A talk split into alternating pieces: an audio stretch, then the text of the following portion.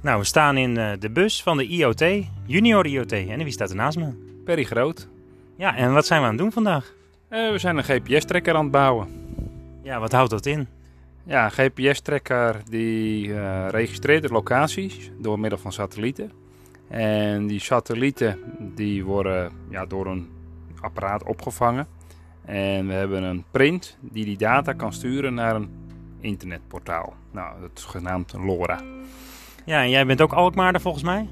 Nou, ik kom wel dichtbij. Ik zit wel heel veel in Alkmaar met mijn werk, maar ik kom uiteindelijk van uh, uit Sint-Pancras. Maar dat ligt er bijna tegenaan. Dus, uh... Ja, en wat is de reden dat je met IoT bent begonnen? Eigenlijk omdat Marco bij mij in een werkgroep zat voor uh, de schakelkasten van de gemeente Alkmaar voor de straatverlichting te koppelen. Toen ben ik eigenlijk in die, in die ja, werkgroep terechtgekomen met Marco samen. En wat hebben jullie allemaal al gedaan? Want er zijn toch best wel wat dingen gebeurd, denk ik. Ja, er zijn best wel wat dingetjes gebeurd, inderdaad. Ja, we hebben eigenlijk gezocht naar een oplossing uh, om data, ja, om de communicatie uh, tussen schakelkasten op gang te krijgen. Nou, dat ging heel erg stug. Uh, we hadden heel veel problemen omdat er onbekend wij, wij, onbekendheid was hoe wij dingen aan elkaar wilden programmeren. Dus Marco die heeft er ook heel veel tijd in gestoken. En uiteindelijk ja, was het niet het resultaat wat gemeente Alkmaar dus voor ogen had. Dus we zijn er weer een beetje uit elkaar geraakt daardoor. Dus ik ben ook een half jaar eigenlijk, had ik weinig contact met Marco. Maar uiteindelijk ik toch de, met de GPS-trekker aan de gang gegaan. Om dat uh, toch weer verder uh, door te ontwikkelen. Of tenminste gaan uit te proberen, omdat ik de informatie toch miste.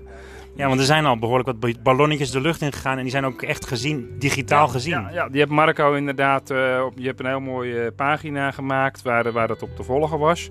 Dus ik heb, dat was inderdaad nog voor mijn tijd hoor, dat ik bij, met Marco in contact kwam. Maar die heeft er heel veel over verteld. En er zijn hele leuke resultaten uitgekomen. Dat een bron dus 300 meter uh, ver komt. Of tenminste 300 meter uh, gevolgd kan worden, zeg maar, vanuit allerlei LoRa-ontvangers. Eh. Volgens mij 300 kilometer. 300 kilometer, ja, precies, exact. Ja, dat is wel een groot verschil hoor. Ja, dat is een heel groot verschil, ja. ja, ja en hij gaat ook 12 kilometer de lucht in zelfs, maar dat is dan... Ja, ja, en op een gegeven moment is het ballonnetje klaar en dan stopt hij, maar dan is de accu ook klaar, dus dan, dan houdt het vanzelf wel, wel op natuurlijk. Hoor je dan gekke verhalen van mensen die zomaar dat chipje dan ergens vinden? Nou ja, ik heb van Marco net een verhaal gehoord, misschien had je het net zelf ook gehoord, van iemand die hem dus voor Tesla had gevonden en teruggestuurd had. Dus ja, dat zijn natuurlijk wel hele leuke verhalen.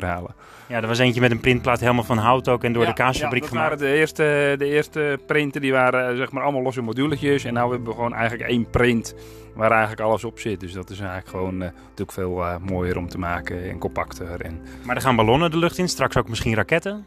Ja, nou, daar hebben we natuurlijk ook. Uh, raketten zijn ook de lucht in gegaan. Daar zijn ze natuurlijk ook mee bezig geweest. Uh, daar ben ik zelf niet bij geweest. Maar uh, ja, er zijn ook hele leuke filmpjes en verhalen van hoe dat tot stand gekomen is. Dus dat, ja, en goed om te zien wie dan de hoogste raket heeft en dat soort dingen, ja, de snelste. Ja, ja, precies. Dus ja, dat hebben ze leuk gedaan. Dat, en wat is het volgende dan? Want je wil natuurlijk alles meten en weten. Ja, nou eigenlijk willen we, nou ja, achter je, ja, dat is nog niet op de interview te horen, maar achter ons hebben we wat, uh, wat lichtarmaturen staan. Dat is van gemeente Alkmaar. Die heeft ze beschikbaar gesteld aan Marco om daar iets in te bouwen.